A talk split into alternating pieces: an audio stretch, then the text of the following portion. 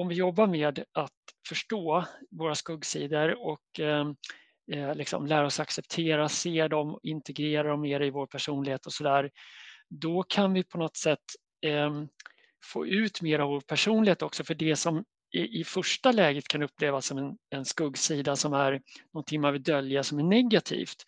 Den kan också vändas till något positivt när man börjar jobba med den mera och se kraften i den och, och möjligheterna i den.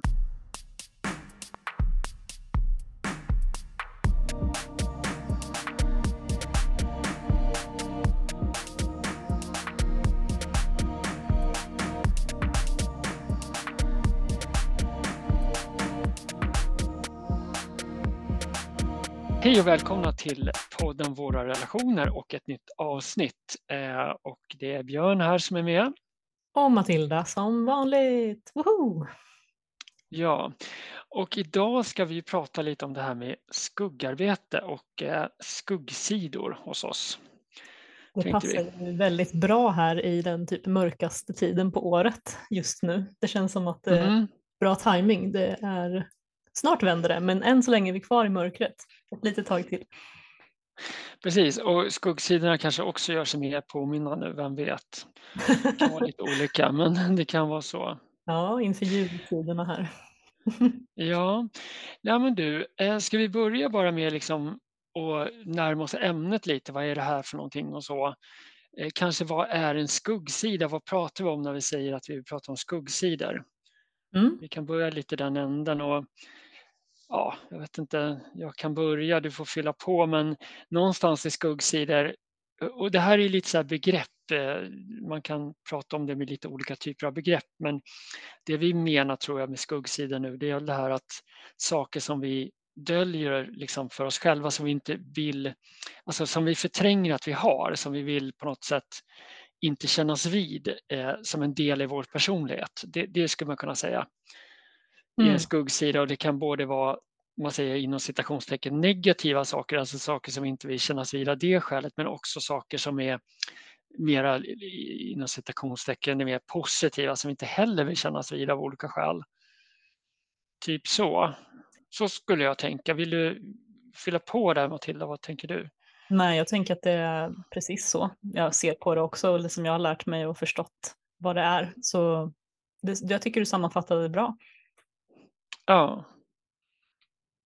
Ja men exakt och, och det, om man tar det här lite liksom historiskt också då, alltså vi har ju Freud och Jung och Assagioli då som är kopplat till psykosyntesen, de har nog varit på den här frågan tror jag allihopa, men jag tror det var Jung framförallt som lyfte den här som just eh, skugg, skuggpersonligheter. Sen har Assagioli också lyft det på ett sätt, men lite på ett annat sätt och med lite andra ord tror jag. Så att det var väl framförallt eh, Jung då som man tänker är kanske den som tog upp det här mm. först. Då. Mm. Just um, så att man skulle liksom säga det, det är ju saker i mer av vårt undermedvetna i vår personlighet som vi både döljer oss för, för oss själva men döljer också för andra. Eh, och, och, och, det kan ändå komma upp på lite olika sätt, typ att vi projicerar över det på andra också. Att vi, det är ganska vanligt att vi eh, ser saker hos andra som vi egentligen har svårt för hos, hos oss själva och så blir det på något sätt att man då kanske hackar på någon annan eller synliggör hos någon annan och ja, det väcker massa saker hos oss själva som är svårt att hantera då eh, hos den andra men det egentligen handlar om en själv. Mm. Det är ganska vanligt liksom att det kommer upp på det sättet. Ja, det är väl en typisk sån, ett sånt sätt man kan eh, beskriva hur får man veta, hur kan man veta mer om det och hur kan man ta reda på ens egna skuggsidor. Det är väl just som du säger att identifiera vart man stör sig på andra eller blir irriterad på eller triggad av. Men också som du sa tidigare här att man kanske även sätter någon på en piedestal eller höjer upp någon till skyarna eller ja, ser saker på det positiva eh, hos någon också som egentligen kanske handlar om ens egna delar. Ja, och som man också av olika skäl har förträngt eller inte vill kännas vid och så. Och det kan ju också bero på olika saker, men det kan ju vara en del i liksom att vi inte själva tror att vi, att vi har det inom oss eller vill se det för att det kan också eh, ja, det kan, kan vara jobbigt av andra skäl kanske än det här att att det är saker som triggar oss och så. Ehm, Mm. eh, Så, så är det mm, saker vi ser som du säger. Eh, Om vi ska ta några exempel vad det skulle kunna vara, bara så här inledningsvis, så skulle det kunna vara, jag försöker hitta något, så kan du hitta något sen så här generellt. Det är någonting man irriterar sig på. Det kan ju vara allt möjligt, men att någon, skratt, tar ett, någon skrattar högt kanske, eller att någon ehm, trycker ner någon annan till exempel. Skulle kunna vara en sån grej också. Men det kanske är en sak som man ändå borde rea- reagera på, att, vi, att man är dum mot andra. Men mer så här lite mer neutrala grejer som folk gör som, som man ändå irriterar sig på. Mm. Det är väl kanske mer det vi är ute efter. Då. Kanske typisk någon sån här avundsjuke-grej, att man, om någon blir befordrad eller någon eh, man känner, inte vet jag, ehm, ja, att det händer någonting i, någon, i ens närhet med någon som man egentligen kanske själv eh, ja, längtar efter eller så, skulle det kunna vara? Mm. Ja, precis. Det kan, vara, det kan vara någon som man tycker är feg till exempel, som inte vågar göra saker. Och det kan vara saker som man själv inte heller vågar göra egentligen, men att man på något sätt har trängt undan det, liksom att man egentligen inte vågar och så vill man inte se den delen. Skulle det. det kunna vara, och det här liksom att den andra delen man projicerar över, det skulle kunna vara någon som är väldigt generös eller någon som är väldigt um, klok eller någonting. Och det kan också vara en del som man inte själv Mm. vill se att man har kanske då. Um, Mm. Som man då istället som du säger beundrar andra och tycker att de är så fantastiska. Så, Mm. och kanske också bara ser liksom den delen man också sorterar bort en del annat då som, som kanske personen har men sen så ser man det. Mm. Um, och sen lite också, ska vi säga det också, hur de här uppstår, de här skuggsidorna. Um, och det är liksom någonstans saker kanske som vi lär oss också i interaktion med andra, om man säger föräldrar, släktvänner, lärare och så, alltså sidor som de inte anser är okej hos oss kanske. Det är så Mm. de har uppstått. Eh, Så vi har något, något sorts lärs, lärt oss då att ja, men det här är saker som inte riktigt är okej då på något sätt. Ehm, eh, Och det kan ju också vara saker som är mera, ja, egentligen då på samma tema som inbyggt i kulturen om man säger, eller eh, som man blir varse också via berättelser eller film och sådär. Mm. Eh, Så det kan ju uppstå på de sätten också. Verkligen. Det är Ja. delar som man liksom förskjuter för att det är för smärtsamt att ha framme i den kontext man lever i. Liksom. Ja.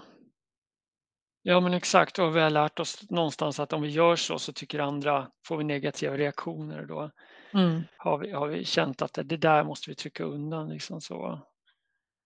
Eh, Men de finns ju ändå kvar. Det är det som är intressant, att det finns ju kvar eh, och påverkar oss ändå. Och det är väl egentligen det som är, vi, vi- vi ska ju ta oss igenom det här ämnet, men jag tror att vi kanske nu föregår lite var vi ska, ska komma någonstans. Men att varför ska man, ar, var, var, varför ska man jobba med sina skuggor? Liksom? Och någonstans är det väl för att de här delarna ändå påverkar oss så pass mycket i, i vår vardag och, och kanske ännu mer då när vi liksom har trängt undan dem och inte kännas vid dem. Då påverkar de oss väldigt mycket indirekt och vi triggas av andra personer och vi liksom går runt och blir påverkade på olika sätt och vi kan inte växa heller. Vi tar andra hållet då liksom som vi vill och så. Eh, Mm. Så det är väl det som är drivkraften också att synliggöra och börja jobba med dem tänker jag.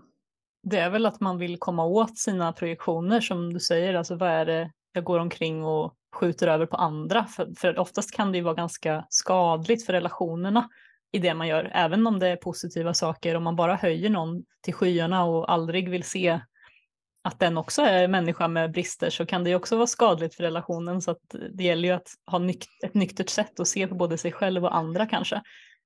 Um, och att kunna bli medveten om vad det är man har i sin relation som är omedvetet. Ja, ja precis. För jag tänker att eh, som du säger också, man blir utsatt för projektioner. Jag tycker att det, det är väldigt jobbigt att bli utsatt för de här positiva projektionerna också. Mm. Att man liksom ska vara så fantastisk och så vidare. Då bara känner man, vänta, det här stämmer inte riktigt med min bild. Det är som att den andra personen ser väldigt mycket av det hos sig själv. Alltså, inte, det är inte lika ofta man blir utsatt av det, men jag tycker det känns också väldigt märkligt många gånger liksom, när det händer sådär, att någon på något sätt har en sån Mm. Väldigt liksom, eh positiv ja, liksom ska lyfta en jättemycket. Man känner: "Vänta nu, jag ska jag leva upp till det här nu då? Vad Det blir jobbigt." en ganska ojämlik relation också på något sätt. Att man hamnar på den där piedestalen så är det ju ganska högt fall när man då råkar kanske vara i sin egna Ja. känner eller man sårar någon eller skadar någon också. Att man liksom har man varit där uppe så faller man ju väldigt snabbt ner och liksom när man hamnar i Ja. konflikter, vilket man oftast gör i en relation. Så att, eh, det är som du säger mycket att leva upp till och också som, alltså som en känsla av ojämlikhet, liksom att den ena ska stå över den andra, lite så här maktobalans nästan kan jag tänka. Ja, ja men exakt. Ja men precis. Men det är ju lika jobbigt såklart, eller om inte värre, att bli utsatt för de här negativa projektionerna som någon eh, kanske känner då att de stör sig på något man gör eller eh, tvärtom. Alltså att det, för en själv också, när man blir triggad av de här sakerna som man går omkring och Ja. hela dagen kan ju bli förpestad då, liksom om man ja, hamnar i sådana situationer hela tiden där man eh, inte kan se vad det handlar om riktigt. Nej, men jag håller med. Liksom 2 tankar, jag ska se om jag kommer ihåg de 2 tankarna. Eh, den första tror jag kommer ihåg i alla fall. Eh, den första liksom jag tänkte på, det var typ att eh, dels så känns det som att man blir lite så här orättvist behandlad på något sätt. Liksom så här, på något sätt. Och, och, och sen att det är ena och, och att det inte liksom stämmer med sin egen bild av sig själv heller riktigt. Och också det här att, att man får inte vara den man är liksom, på något sätt heller. Liksom, att det blir den delen i det också. Mm. Så det blir på något sätt väldigt märkligt. Så att, ja, men lite där, och, lite därför vi ska jobba med det. Du var inne på det att, att eh, kanske om vi jobbar med att förstå våra skuggsidor och eh, eh, liksom lära oss acceptera, se dem, integrera dem mer i vår personlighet och sådär. Då kan vi på något sätt eh, få ut mer av vår personlighet också för det som i, i första läget kan upplevas som en, en skuggsida som är någonting man vill dölja som är negativt. Den kan också vändas till något positivt när man börjar jobba med den mera och se kraften i den och, och möjligheterna i den. Man har liksom Mm. bara vänt den till någonting som är dåligt och det är för att man har fått den här lärt sig det när man då har liksom växt upp som vi pratade om tidigare, liksom, från omgivningen då eller utifrån vänner och sådär, att den inte är bra. Men om vi liksom lär oss se den så är det faktiskt en egenskap vi har som vi också kan använda som en positiv grej i vissa, egen, vissa, vissa situationer. Så att det, det är liksom Mm. eh, det, det är också ett syfte tänker jag. Och eh, jag tänker dock när vi blir eh, medvetna då, så det blir vi mindre dömande både mot oss själva då så att säga och mot andra. Och kan också känna liksom att vi är mer okej. Okay. Så det är ett sätt att landa i sig själv också och känna sig mer okej okay, tror jag. Mm. Så det, det är ett Mm. viktigt, jätteviktigt arbete. Hur har du eh, Ehm, jobbat med det här med, för egen del då? Ja men exakt och, och precis och jag tänkte också, jag ska svara på det tänker jag, eller svara men jag ska reflektera över det så vill jag gärna att du reflekterar också. Men jag tänker också hur lite hur det relatera till lite andra saker. Jag tänker att eh, vi har ju pratat en del i podden tidigare mot angränsande grejer. Bland annat hade vi det här avsnittet om psykosyntes. Där pratar vi en hel del om delpersonlighetsarbete och så. Det är lite samma sak, att där hittar man ju också de här delarna man har förträngt lite eller som man som man inte vill se, eh, som man kan identifiera och hitta. Och eh, där jobbar man ju mycket utifrån psykosyntes också med hur kan en delpersonlighet tjäna och begränsa. Så jag närmar mig frågan här lite, för jag har jobbat mycket med psykosyntesarbete och då eh, hur har jag jobbat med det? Ja, men det är väl ett sätt jag har jobbat med det i syntesarbete, men jag jobbar mycket med delpersonlighetsarbete. Eh, och där är det just det här lite, hur tjänar och begränsar? För att det kan ju vara då en, en skuggsida som man inte vill kännas vid då, som till exempel att eh, säga att, att eh, om man känner sig eh, Eh, feg i vissa sammanhang eller obekväm liksom, eller någonting sånt där i vissa sammanhang och då när man då börjar titta lite mer på den, dels identifierar och bara se att man har den och inte bara hela tiden trycker undan den bara det gör någonting, att man får upp den på ytan. Men sen också eh, när man sen börjar, börjar jobba med den så kan man också se lite mer hur kärnan begränsar. Eh, och då kan man ju se att den kanske också tjänar den i vissa lägen så att då blir den helt plötsligt kan man vända den till någonting annat. Eh, nu pratar jag lite generellt, men och sen hur jag har jobbat, ja men det är mycket psykosyntesarbete och sen så är det nog det här att i vissa sammanhang har jag funderat ganska mycket på eh, hur, hur, hur påverkas jag av andra människor liksom? och eh, vad är det som triggar mig hos andra? Och så börjar jag fundera på vad, vad är det det beror på. Så så är ett sätt att jag jobbat med det och sen har jag jobbat via det här delpersonlighetsarbetet i psykosyntes mycket och det är också ett sätt att jobba med det. Eh, och sen har, man har jag jobbat en hel del då också med så här guidade meditationer och grejer då i, eh, i, i psykosyntes, vilket också handlar mycket om att plocka upp från det undermedvetna. Um, så bara ta ett exempel då. Så jag har ju haft, och det har jag pratat tidigare i podden om, eh, det här med, med presterardelen då, som vi har pratat om. Ehm, och det kan man ju säga, det är lite som en skuggsida även om den är, den är väldigt framträdande. Eh, på ett sätt är jag väldigt medveten om den och jag kanske inte heller trycker undan den liksom egentligen eh, som en skugg, rikt, alltså riktig skuggsida men det är ändå en liksom väldigt eh, tydlig delpersonlighet som jag då eh, Eh, kanske i vissa lägen inte riktigt vill känna till eller kännas vid att den är så dominerande ändå. Då kan man säga att man liksom försöker eh, kanske hålla den borta lite så. Men någonstans genom att liksom acceptera att den finns, för om vi tar det från början då så var det mer att den var driven utifrån en mera, eh, ska man säga, ehm, eh, perspektiv där det var mer ångestladdat, så att jag var så viktigt att prestera annars får jag liksom oro och ångest. Medan eh, genom att jobba med den och kanske synliggöra den mera och liksom inte trycka undan den så har jag på något sätt transformerat den till att eh, prestation också kan vara någonting som är positivt och roligt. Mm. det kanske är ett exempel på ett konkret skuggarbete jag har gjort.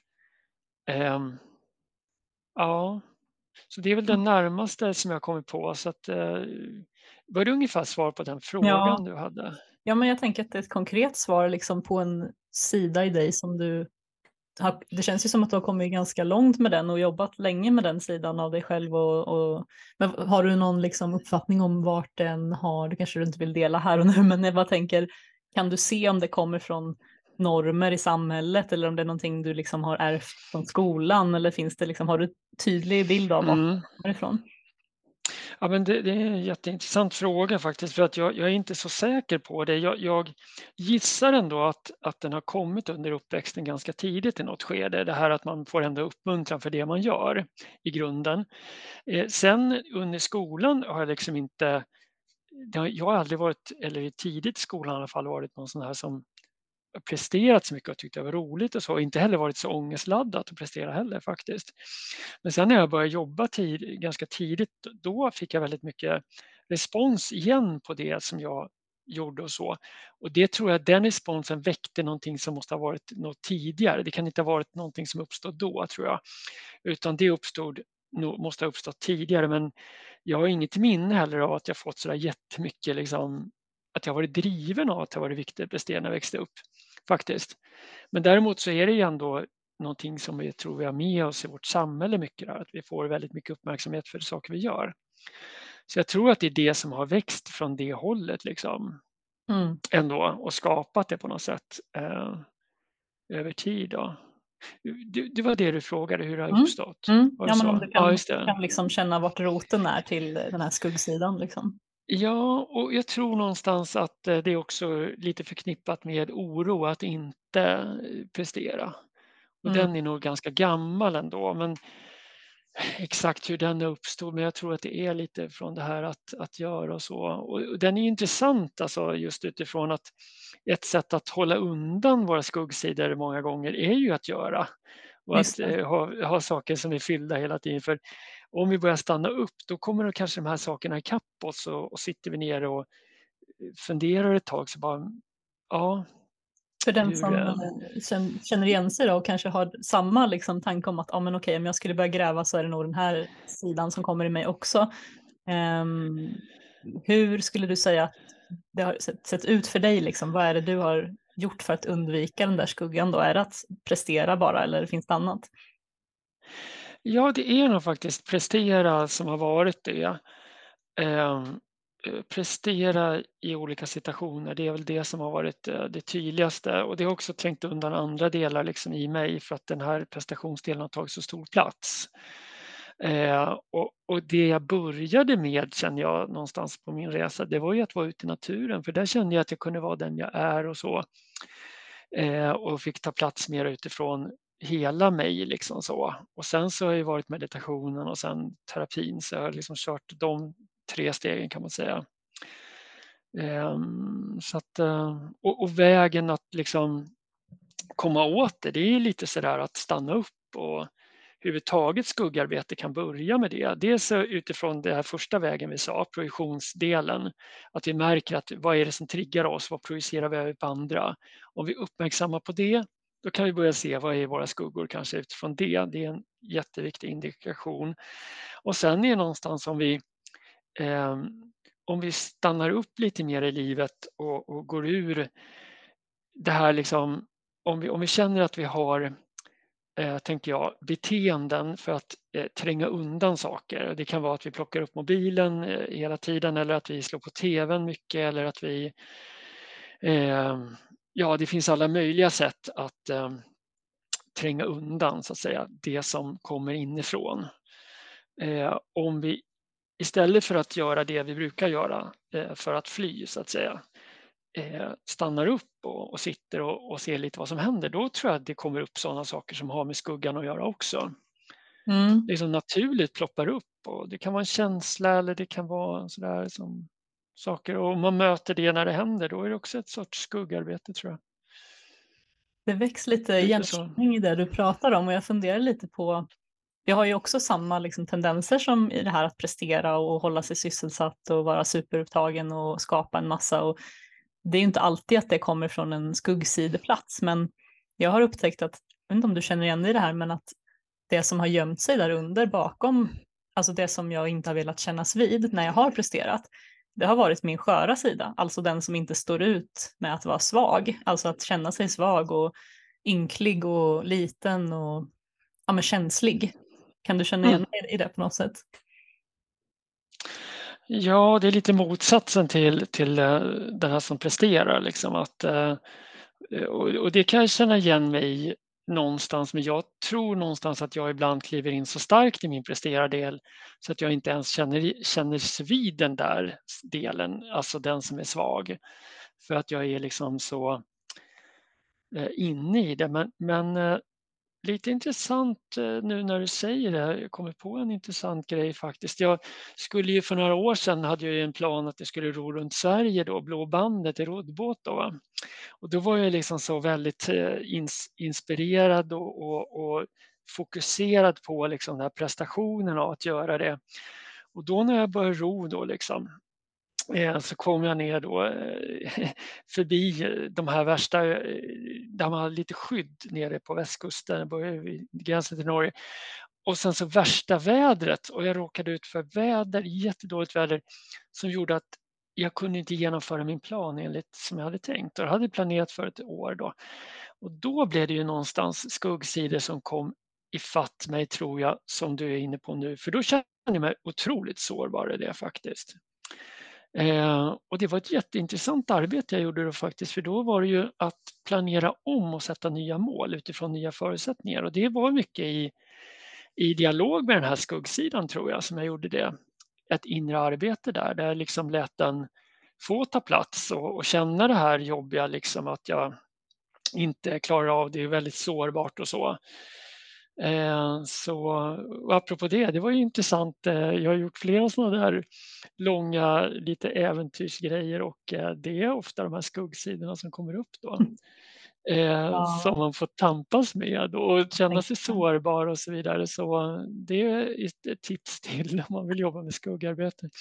Nej, men så det, var, det var intressant att du, att du nämnde det själv. Du får gärna utveckla hur du ser på det själv också men jag började liksom, jag började koppla ihop några trådar när du pratade. Liksom. Det var som att det ena utesluter inte det andra, utan det kanske är som en liten maskerad man kör med sig själv, liksom, tänker jag. Att det är lite som en mask man plockar upp som, som på något sätt ska skydda ändå från det här som världen, i det mitt fall skulle jag säga, mer än liksom, familj eller så. Men alltså skola, alltså jag tänker att det är ganska mycket normer i vårt samhälle som säger att det är alltså farligt att vara svag. Alltså, mm. Vissa är mm. kanske starkare än andra men kanske, jag vet inte om det har med kön att göra också, att för män är det ännu jobbigare att känna sig svag och sårbar. Men, men jag har haft jobbigt med det också och det känns som att det har liksom inte funnits riktig plats kanske för den sidan att få vara en del av mitt liv på mer än, mer än kanske mm. enbart när man har suttit i konstnärliga sammanhang. Alltså om man har uttryckt sig i musik eller foto i mitt fall då, då har det kanske funnits en plats för den här så, så kallade svaga sidan då, eller ja, den inkännande och ja, för man kan ju vända det till det positiva också då i, i, när vi pratar om vad min skugga säger att det är så är det ju svaghet och det är självömkan och inklighet och offerkoftor och det är allt möjligt som man har på sig då liksom enligt mm. den här rösten som spelar upp att man är lat kanske också och borde göra ditten och datten. Men bakom de orden så gömmer sig ju också inkännande och empati och eh, känslor liksom som vi alla har tänker jag och som eh, ja, nej, men som är viktiga att få ha i kontakt med, särskilt i relationer framförallt tänker jag. Eh, alltså nära relationer, kanske viktigt på, på jobb och professionellt också tycker jag då, men, men beror på vad man jobbar med kanske. Men jag tänker att framförallt privat så är det ju Eh, av yttersta vikt att ha med sig hjärtat liksom, och de känslorna som göms längst in. Men har man skuggsidan framme och presterar, i, alla, ja, i mitt fall då kanske det har varit presterar delen då som har uttryckt sig i det här. Eh, för, för någon annan så är det kanske en annan röst som pratar eh, för att skydda det här som är längst in. Liksom. Mm, mm. Eh, men så jag, jag har väl till och med gjort så att jag, det var jag och en vän som hade många långa samtal och diskussioner om det här Eh, och vi döpte faktiskt våra skuggsidor till eh, Anita, båda två. Vi fick samma namn. Ja. För att få en röst, ja. liksom, en, en igenkännande röst så att man kunde hålla varandra liksom, lite ansvariga för när man börjar och, ja, men prata utifrån den här rösten. Mm. Så att det... Ja men du, Ja, men tack för det. Nu börjar jag komma in i ämnet känner jag lite mer också. Och jag prata om från början, så här, det händer något när man pratar. Nej, men det vi börjar prata om från början när jag pratade om, eh, om min presterare, det är mer en delpersonlighet som har växt fram. Det är inte en skuggsida egentligen utifrån det här perspektivet som jag känner nu, utan det är mer en delpersonlighet som har växt fram för att skydda min skuggsida, precis som du själv är inne på nu.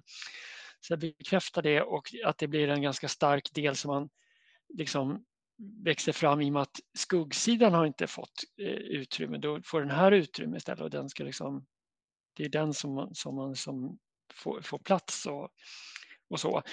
Eh, och precis som du säger, det är intressant här nu, jag reflekterar själv här eh, på det som hände den där, på den där eh, roddresan, att jag var väldigt, väldigt mycket i kontakt med min sårbarhet och det var väldigt utvecklande för mig då, minns jag. Och jag har varit i kontakt med den sårbarheten flera gånger tidigare och både i meditationen har jag varit i kontakt med den och jag har varit i kontakt med den i, i terapin och sådär. Och det blir någonstans också när, när presterardelen, när man jobbar med den delpersonligheten i delpersonlighetsarbetet, inte behöver liksom ta lika mycket plats längre så sänker man garden där, då får de andra delarna mer plats och då kan man vara mer sårbar också. Så det, det är fler delar som händer samtidigt här och apropå projicera så minns jag nu om jag tänker tillbaka i tiden så har jag när jag var yngre haft väldigt svårt för personer som var sårbara, uttryckte sårbarhet och var svaga. Eh, alltså nu går jag tillbaka till 20-årsåldern eller mera ton, kanske ännu mer tonåren men jag har märkt att jag har haft svårt för det och det är någonting som har förändrats väldigt mycket över tid och troligen kopplat till att jag har gjort ett eget arbete med min egen sårbarhet. Det är ju mm. faktiskt väldigt intressant nu när vi reflekterar att det, jag ser ju verkligen den förändringen över tid här nu när jag tänker efter. Ja, spännande att du ändå fick syn på det då. Det är ju, man, man kan ju lätt, alltså det tycker jag nog är den största utmaningen med just det här ämnet, att man kan lätt famla bort sig i vad är vad och liksom man, man tappar bort sig lite i det. För man vill gärna, ja. eh, skuggan vill liksom inte komma fram. Den det är liksom lite poängen med den här skuggan, att den ska ju inte synas, den ska vara där bakom och gömma sig för att det är för farligt att liksom släppa fram den. Så att det är ju ja. svårt att få tag på den. Man pratar ju om att man liksom behöver verkligen shed a light, alltså ta en, en liksom ficklampa och lysa men också vara väldigt försiktig med den och liksom locka nästan fram att finns det Mm, något som, mm. alltså verkligen försöka lyssna liksom väldigt försiktigt på sig själv och, och ja men det är inte så lätt att få fatt i den där, alltså Peter Pan är ju ett sjukt bra exempel, jag, alltså Disney är ju väldigt mycket metaforer har jag lärt mig. Ja, Se ja, filmer. berätta. Men Peter Pan är ju liksom det här, vi pratar ju om, alltså han jagar ju sin skugga, eh, Mm. tänker jag.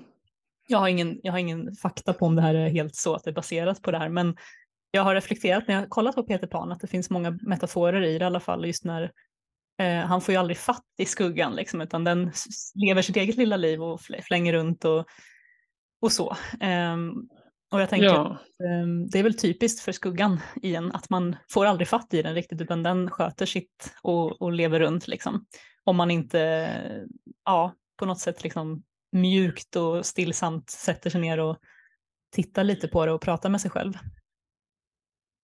ja, exakt. Och det här relaterar rätt mycket till liksom inre barnarbete och sådär. Alltså jobba med sitt inre barn, ta hand om det och så vidare. Jag, nu när jag pratar om Peter Pan så tänker jag på Miss Li. Hon har en låt som heter Instruktionsboken.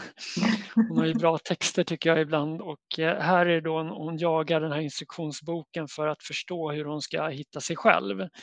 Och, och på olika sätt. Hon är ute och dricker slattar och hon, eh, ja, hon gör massa sådana här saker. Hon går till eh, kyrkan och hon jagar det här verkligen. Liksom.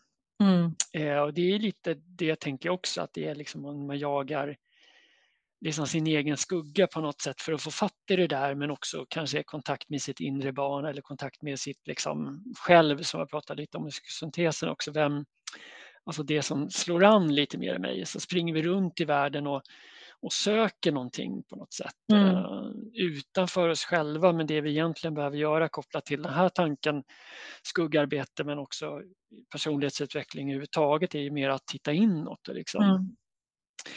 Och man brukar ju säga den, om det var Dag Hammarskjöld, liksom där, att den här är den längsta resan är resan inåt. Jag vet inte om han sa det, men det kanske är många som har sagt. Det är inget, inget nytt citat, men det är just det där att jag tänker då på, på min rodd då liksom. Ja. och det är ganska långt så här, och vilken galning, han ska ro runt Sverige liksom. Ehm, och det är ju väldigt lång resa och det är en yttre resa på något sätt, men min erfarenhet av att göra den där typen av upplevelser det är ju att resan är ju inåt hela tiden i det där.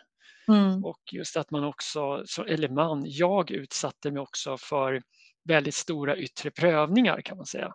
Vilket Ja. gör att det också eh, ökar den här, liksom, istället för att man har en liten ficklampa på skuggan så har man en strålkastare. typ att man liksom så här, kommer i kontakt med det väldigt mycket då i en sån process. Det är jätteintressant. Det blir så mycket personlighetsutveckling i det som Mm. jag tror inte man inser om man inte har gjort det själv, en sån typ av grej. Det. Och det är det det handlar om egentligen. Alltså det är jättespännande faktiskt. Alltså, och sen vill jag också säga bara ett annat tips för den som inte känner för att typ köra multisport eller ro runt Sverige, att man vill jobba med sin skugga. Så jag, vad jag har gjort är att jag har speglat mig enormt mycket i mina vänner och nära alltså familj och verkligen med aktivt gått in och tänkt, ja, men försökt se vart är det jag hamnar i triggers med mina vänner och de som står mig nära. Vad är det för sidor som jag, där, där det skaver i mina relationer, där jag känner att det är jobbigt, där jag behöver uttrycka någonting där jag inte längre kanske till och med kunnat ha vissa relationer kvar i mitt liv. Vad har det handlat om? Och försökt ta fullt ägarskap mot mig själv i de Mm. situationerna. Att inte lägga över att det är den personen som är si och så eller ditten och datten utan vad handlar min konflikträdsla om? Vad handlar det om att jag inte står ut när någon blir ängslig? Vad handlar det om att jag känner att jag behöver kont- ha kontroll i vissa fall? Eh, alltså allt det här som någon annan kanske har spelat upp med mig har ju varit sidor i mig själv som jag då, jag ska säga kanske inte längre, men då hatade i mig själv. Alltså jag stod inte ut med de sidorna. Sen klart jag kan fortfarande känna hat mot de sidorna i mig själv. Men jag tror att nyckeln för att få fatt i sig själv är att sluta hata de sidorna också. Man behöver ju inte älska dem liksom med hela sitt hjärta, men jag tror att man behöver ha en lite, så här, lite acceptans i alla fall, typ för att de existerar och bara, ja, det här var min lott i livet. Jag har de här Mm. framträdande dragen i mig då. Vare sig det är att jag är ängslig eller att jag blir kontrollerande eller vad det nu kan vara. Liksom att det är när vi inte äger det som det blir farligt. Um, om jag är svartsjuk, ja men då är jag svartsjuk, då behöver jag äga det. Liksom. Så um, ja, det är väldigt nyttigt att spegla sig djupt i andra eh, om man vill komma åt det tror jag. Då kan man också få lite eh, strålkastare om man är tillgänglig för det. Liksom. Ja exakt, att den andra lyser tillbaka eller man har en spegel i det sammanhanget som du säger, det första reaktionen som du beskriver är ofta sådär, men vänta nu, det är någon annans fel, någon ja. annan är dum eller någonting sådär. alltså den, andra, säger, men... den andra behöver ju inte ens göra någonting, den andra behöver inte djupa dyk, dyka djupt i sig själv med dig. Eh, det blir ju bättre om den andra gör det också, för då fördjupar ni ju relationen. Eller jag har upplevt att när jag har uttryckt min skuggsida med någon annan som också gör det, då får man ju en djupare relation och kan äga det tillsammans när vi spelar ut de här sidorna med varandra. Men även de relationer där man inte kanske kan ha de här samtalen eller där det inte går att vara sårbar kan man ju fortfarande lära sig någonting av. Om, om vi leker med tanken, jag har haft någon chef som jag har haft jättejobbigt med att den inte tog vissa konflikter och inte skötte samtalen snyggt och sådär. Ja, men ja. Det är ju liksom ingen person som jag kanske behöver ha en djup dialog med, men jag kan fortfarande lära mig jättemycket av att se varför blir jag så arg på min chef i det här? Ja, men det är för att jag själv skulle tycka det var skitjobbigt att vara i den situationen och kanske hade gjort ja. så. Um, jo, men exakt och alla de där, det är ju också sådana här eh, inte de första, vi är inte de första som säger det, liksom att man kan se de här personerna som en mästare liksom för en själv eller som lär, läromästare för dig. Liksom. De som du triggar mest på, de personerna är de som du kan lära dig mest av. Precis som du är inne på. Och de personerna behöver inte ha någon som helst susning om eller veta om att du gör ett sådant arbete i dig själv. Liksom. Eh, utan du kan, liksom, precis som du säger, göra det Ja, men jag fångade det där när du pratade en sak Matilda, jag tänkte bara fråga vidare om. Du pratade här om att hitta acceptans liksom, i dig själv, fattar det som. Kan du berätta lite om det? Liksom, vad handlar det om och hur, hur gör du det? Um, ja, men jag tänker att det är någonting som jag fångade upp från att, vad jag läste om hur man jobbar med sitt skuggarbete, att det viktigaste i processen nästan, in, alltså förutom att få syn på och identifiera eh, sidorna så var det väl just att också komma till någon slags integration pratar man väl om liksom, i sig själv kring det här och att det var just att få en acceptans och eh, någon slags självkärlek till de här sidorna då. Och det är väl egentligen, alltså jag tror att det handlar väl om att, eh, att våga stå i kontakt med och benämna när det sker, alltså när du märker att det är den här sidan i dig som, som är igång då för att skydda det innersta.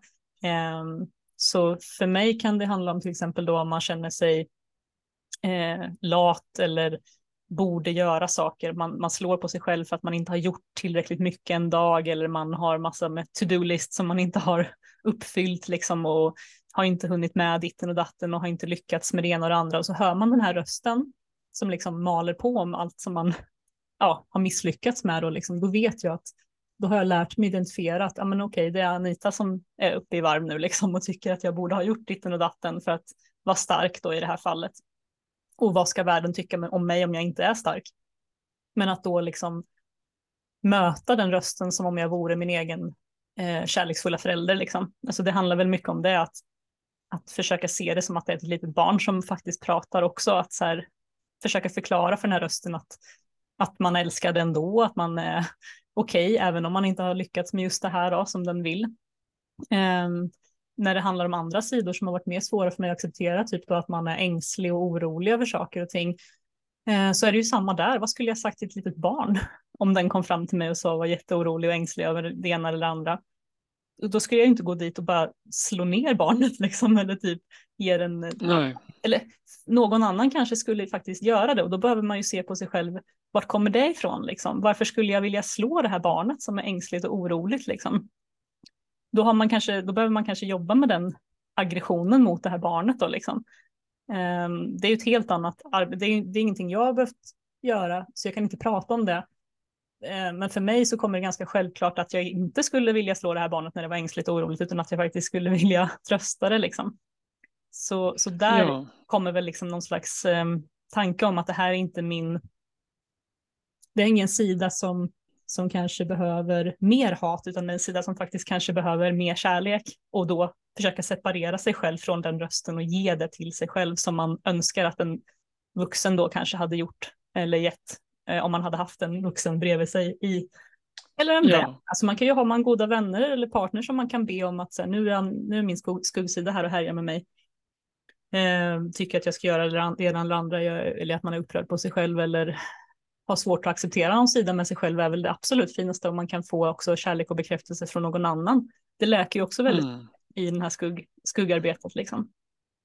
Hur, hur tänker du kring det här med din acceptans kring svag, till exempel då någon som är svag eller uttrycker svaghet? Hur har du jobbat?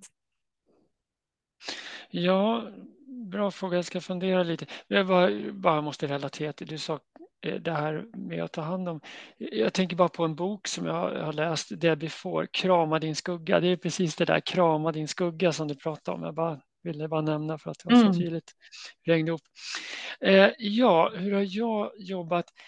Ja, om vi tar det exemplet jag hade tidigare, svaghet och då har jag min delpersonlighet också som är väldigt stark, eh, prestera som en del att liksom kanske ta hand om den då.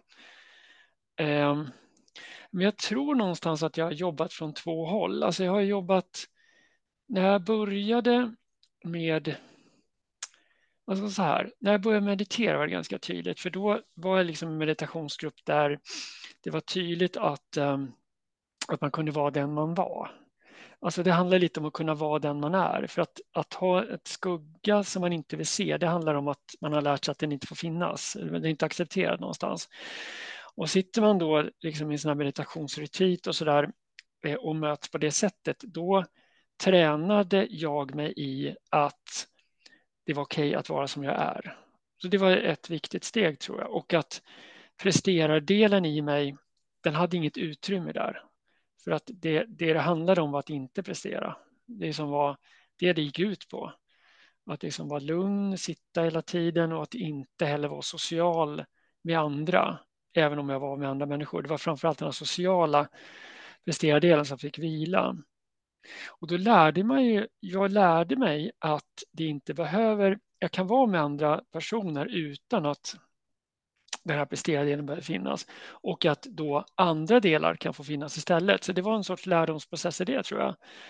Men lite så tror jag utvecklingen började för mig. Sen när jag jobbade mycket med eh, egenterapi och så där i samband med utbildningen så att det blir så mycket delpersonlighetsarbete där så har man liksom i det tror jag identifierat den här delen, den här som är otrygg, eh, rädd, eh, osäker eh, och den här också då som liksom Eh, inte får, eh, inte får vara svag. Eller man säger.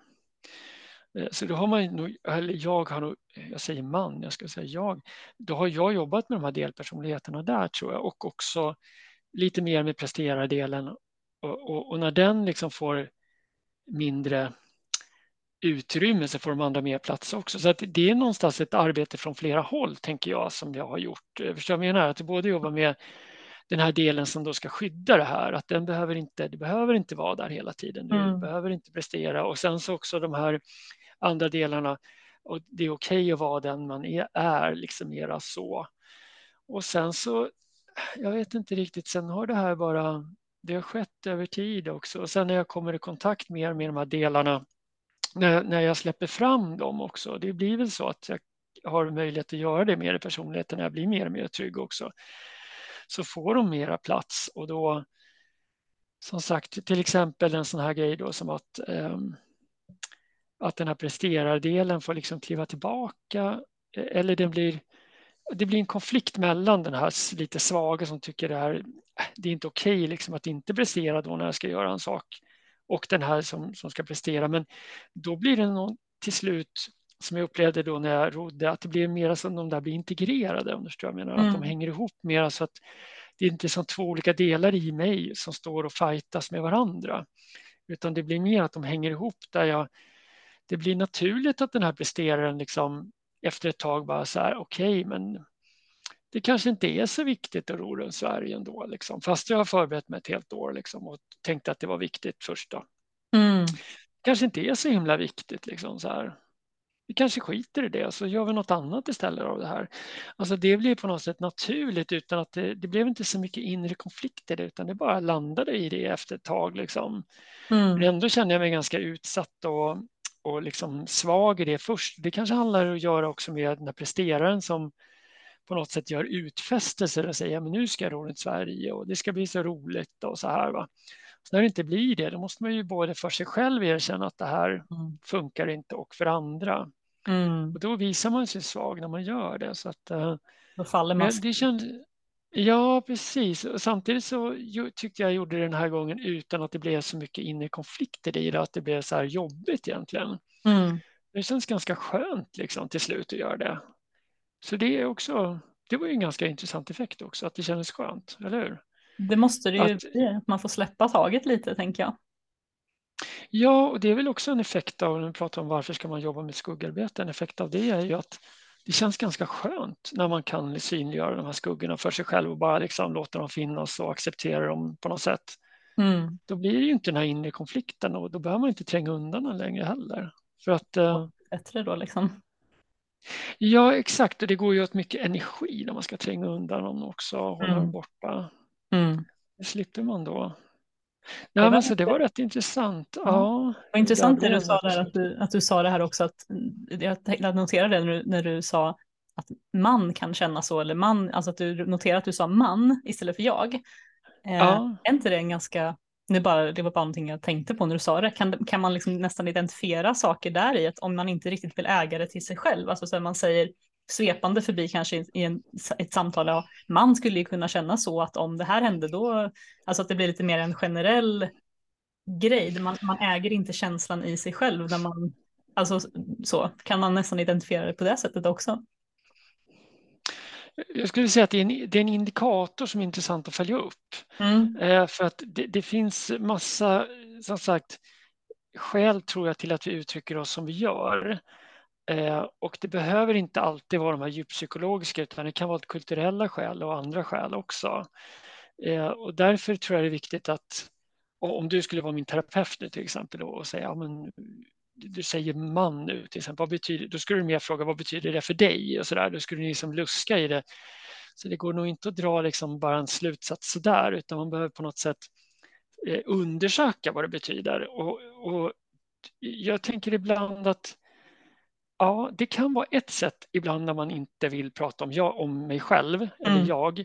Men det kan ibland också vara att man har tränat sig i vissa kulturella sammanhang att man inte ska prata för mycket om jag. Till exempel på jobbet så ska man inte lyfta fram jaget så mycket, man ska lyfta fram viet hela tiden Mm. och, och prata mer svepande för att det har man tränat sig i att det är inte fint att prata om mina prestationer utan vi ska prata om våra prestationer och vi gör ihop allt det där. Så det kan smyga sig in massa sån där påverkan tänker jag också. Ja, bara liksom som en allmän reflektion. Men annars tycker jag det är intressant som du säger att, att det och jag kommer ju på mig själv liksom när jag säger man och så säger jag och varför börjar jag säga man? Eh, Och jag vet inte, är det för att vi pratar den här podden som jag inte vill att det ska vara för nära mig? Är det det det handlar om? Eller liksom, Jag har mm. inte riktigt svar på det, men, men det är Nej. intressant att du noterar. Det var- Ja, en sån här tanke som väcktes, inte just kring att du skulle göra någonting, utan mer bara finns det någon in, alltså indikation på dig generellt att man kanske gärna förskjuter, ja, man förskjuter ju känslorna bort från sig själv, de som är för jobbiga att vara i kontakt med, liksom, tänker jag, i det här. ja. Eh, Ja, det är absolut någonting som vi pratar mycket om på utbildningen och sådär på terapeututbildning. Just det här liksom att man uttrycker sig mer generellt, eh, att man försöker hålla det ifrån sig. Så det är ju på någonting där, absolut. Men jag vill bara också vidga perspektivet ibland varför man pratar som man gör. kan ha flera skäl så att vi behöver vara uppmärksamma på det. Bara Ja. så jag menar. Men annars är det ju på något intressant, det tycker jag. Ja, men eh, det är väldigt intressant att höra dig eh, också reflektera kring hur, hur viktigt liksom, den här spe, speglingen med andra har varit då, som du pratar om här i att lära sig liksom att, att man får vara okej med andra, eh, att de här delarna får vara okej, verkar ju som var ett tema hos dig också i, i skuggarbetet. Ja, och jag tänker det blir ett omvänt arbete om du tänker att hur har de här skuggorna skapats? Vi inledde ju lite med det, om de har skapats genom att du har speglar med omgivningen, du gör någonting så här till exempel att du skrattar högt och så får du en dålig, en dålig reaktion av omgivningen så här, nej var tyst nu, du ska inte vara så högljudd. Då, då har du ju speglat dig då när du växte upp och sen har du då eh, skapat en liksom trängt undan det här att jag får inte skratta. Och då har det blivit kanske en skugga eller en, en undanträngd del av dig om man säger. Eh, och det du gör sen det är ju att göra om processen igen. Det är att du börjar återigen spegla dig med omgivningen. Och sen så får du testa och, prata och skratta igen och sen så får du en annan reaktion än du får förut när du var liten kanske. Då får du lära om. Så att, vad sa du? Förhoppningsvis. Förhoppningsvis. Nej, men det kan ju vara vissa saker i vår kultur som inte bara handlar om din uppväxt att göra så eller vad det nu handlar om att du har råkat ut för då. Det kan ju vara mycket kulturen också, så det ser vi ju på olika kulturer. En del är väldigt högljudda, en del inte det. Liksom. Alltså, vi har olika kulturer och det är ju en anpassning vi gör. Men jag tänker också att om vi har fått mera eh, av det här som har liksom ja, skapat de här skuggorna, liksom mera ut, inte utifrån kulturella bara utan utifrån andra perspektiv också, då, eh, då är det säkert någonting som har varit specifikt när du har växt upp som inte har en så stor funktion sen. Mm. Och då kan du ju på något sätt uttrycka det mer när du det kanske är så att du inte har fått vara modig när du har växt upp, eh, apropå det här med att projicera andra saker som handlar om eh, liksom storhet att göra på andra, eller du har inte fått vara generös eller har inte fått vara uttrycka de delarna. Då behöver mm. du på något sätt återerövra det, tänker jag. Och det gör ju också spegling med andra och eh, genom att göra på nya sätt. Och det är egentligen det som terapi väldigt mycket handlar om egentligen, ju, att, att vi, vi testar och gör på andra sätt. Och det är det vi i terapirummet vågar göra med vår terapeut i början, för det är där det är tryggast. Liksom. Det är där vi kan börja testa och utmana lite och så. Vad händer om, om jag gör på andra sätt eller när jag gör som jag brukar göra, vad händer då? Alltså, så, där har vi det här experimentrummet och sen går vi ut i liksom omgivningen och, mm. och sådär och, och, på något sätt testar. Det är lite KBT också, att vi testar nya mönster och sätt att göra så får vi nya erfarenheter. Då. Och ibland kan ja, det någonstans är det mm. det. kan ju nästan vara den största utmaningen har jag hört, läst något citat att, att eh, liksom så eh, att stå i eh, sitt liksom ljus, att verkligen våga ta de där delarna som har förskjutit som kanske är de mest storslagna i en och våga, ah. våga liksom verkligen skina det och bara göra de här, eh, som du pratar om, de här gap, alltså de människorna vi älskar på tv är ofta de här som är helt, eh, alltså som kanske har levt, lever ut liksom de här sidorna som är ganska storslagna, tänker jag. Det är väl oftast de vi sätter upp på piedestal och idoliserar, liksom att de mm. vågar stå där liksom och bara gapskratta högt eller liksom säga tokiga saker eller vara sig själv. Ja. Liksom. Och det är, ju, det är ju det som är det läskigaste av allt, att vara helt sig själv med allt som man är. Liksom. Så... Ja, ja. Ja, men så kan det vara att de är i sig själva eller de kan ju vara i roll också. Jag tänker att eh, en del Eh, personer också, så här, skådespelare och så, de är ju väldigt mycket roll också och, det kan upplevas liksom som att de är väldigt eh, sådär, men ibland kan ju de vara också ett, eh, i, i, roll och det kan ju också vara ett, ett skuggarbete de gör. Alltså det, det, kan vara en del, de döljer också skuggor i det, liksom, skuggsidor och sådär. Så, att, så är det ju. Uh, det, vet ja, man aldrig, det kan man aldrig veta förrän de sitter där i talkshowen och berättar om det några år senare. Ja, och precis, och gör sin egen tolkning av sig själva och sen hur den är, alltså ja, vi kan ja. vända och vrida på det här, liksom verkligen, liksom hur man, om de verkligen kontakt med skuggsidan ändå eller inte. Men, men, men någonting annat vi, vi sa inledningsvis, jag tycker det är intressant, är liksom också hur vi flyr vår, vår skuggsida och, och stress, eh, stress och mycket att göra är en sån här favorit tror jag. Mm. Verkligen. Och eh, som sagt massa andra sätt, men hålla igång hela tiden, den är ju verkligen en favorit. Mm. Eh, så mm. där kan man ju liksom fundera på varför uppstår stress, tänker jag, och hur, hur har det en koppling till skuggsidor? Jag tror att det jag kan liksom se ändå, eller tror liksom så här att, jag menar, om man hamnar i utbrändhet eller mycket stress och så, så det är klart att det handlar ibland om yttre faktorer. Det ska inte bortse från och strukturer och så här, det kan vara helt galet till exempel en arbetsplats eller så. Vi hamnar i jättejobbiga situationer verkligen.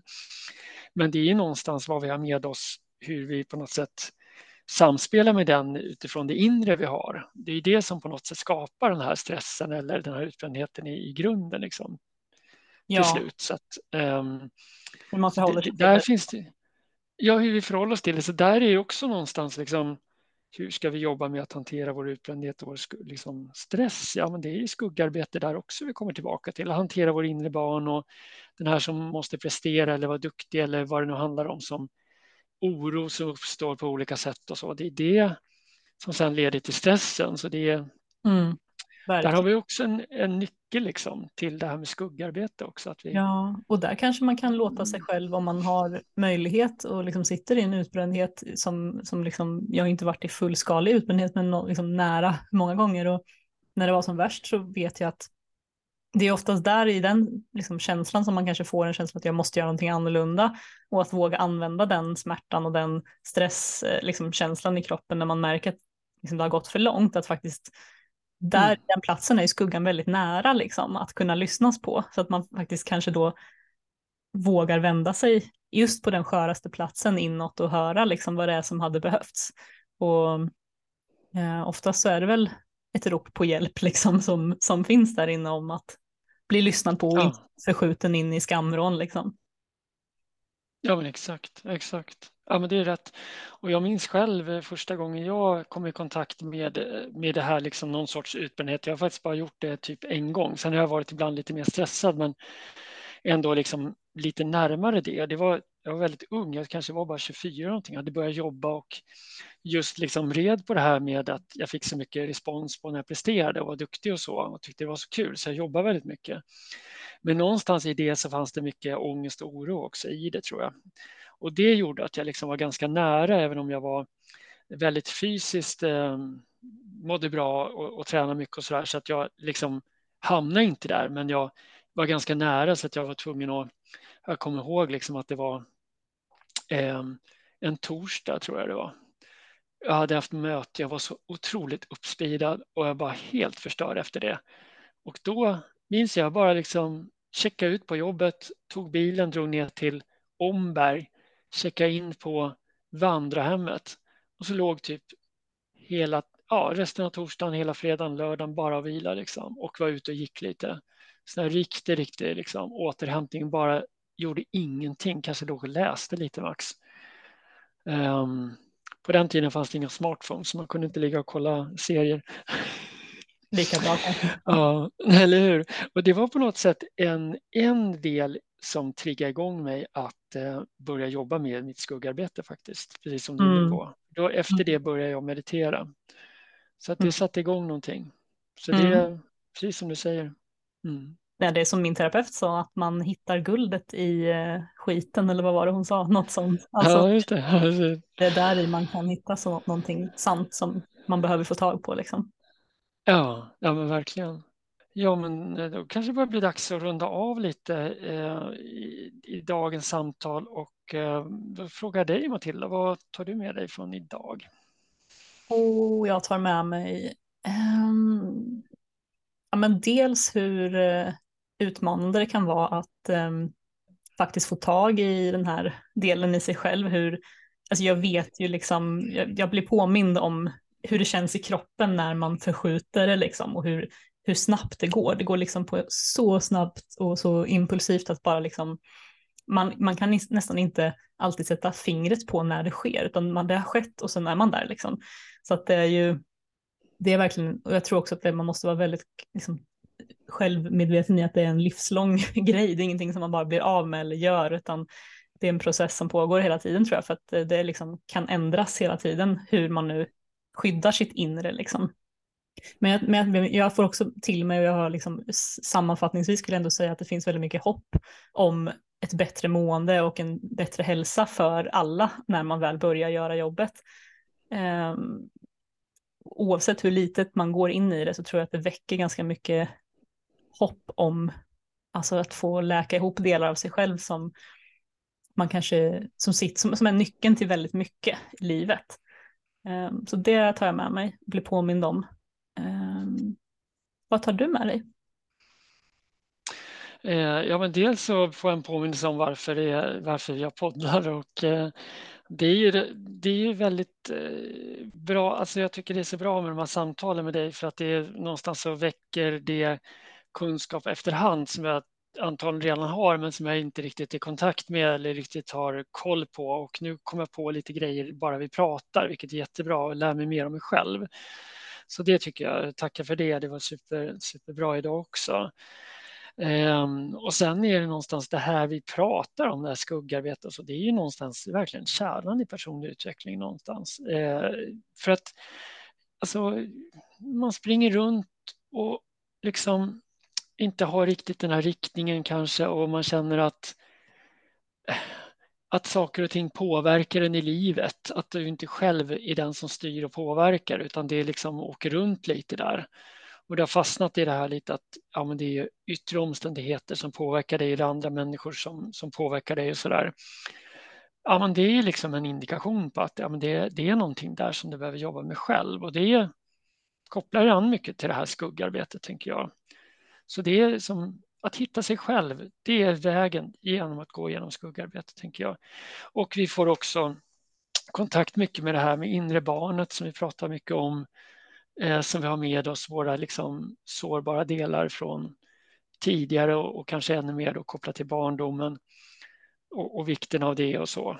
Eh, så att eh, ja, väldigt mycket kärnan i personlig utveckling och eh, vägen till att må mycket, mycket bättre och hitta, alltså leva lite mer det liv man vill leva, som sagt, inte vara så beroende eller påverkad av omständigheter runt omkring, utan mera hitta sin egen väg och eh, sådär.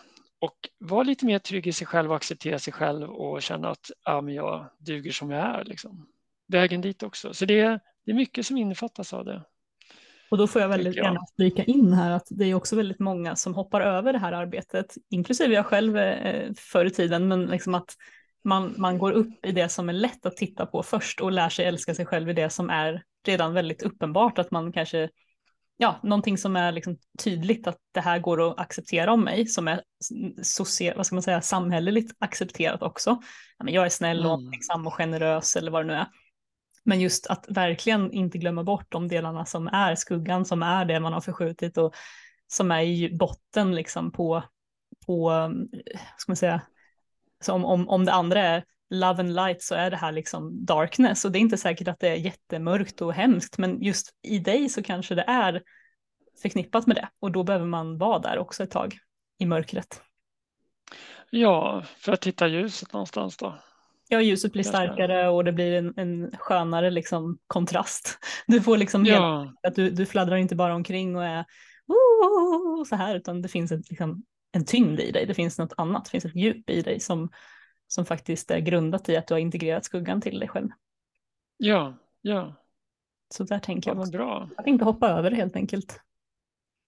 Fortsätt gräva, gräva, gräva, gräva. Ja, trots att det är, du menar hoppa över också, trots att det är ett motstånd, att det ganska kan vara tufft att, att börja jobba med det. Ja, precis. Ja. Men när man väl börjar jobba med det så märker man också efter ett tag att det inte var så farligt. Man tror att det är jobbigare än det är mm. ofta. Men när man väl kommer in i det så, ja, så rullar det på. ja, fint. Ja, men härligt. Ja, men då var vi klara för idag typ. Och eh, Tack, så mycket Matilda och hoppas lyssnarna också har fått ut något av det. Så. Ja, och kom ihåg att snart, är det, snart vänder det. Nu, nu spelar vi in här innan jul, men ni, när ni lyssnar så är det troligtvis redan ljusare ute och det börjar vända. Så kom ihåg det. Det är inte så mörkt. Ja, just det. Ja, precis. Ja, men bra. Tack för idag.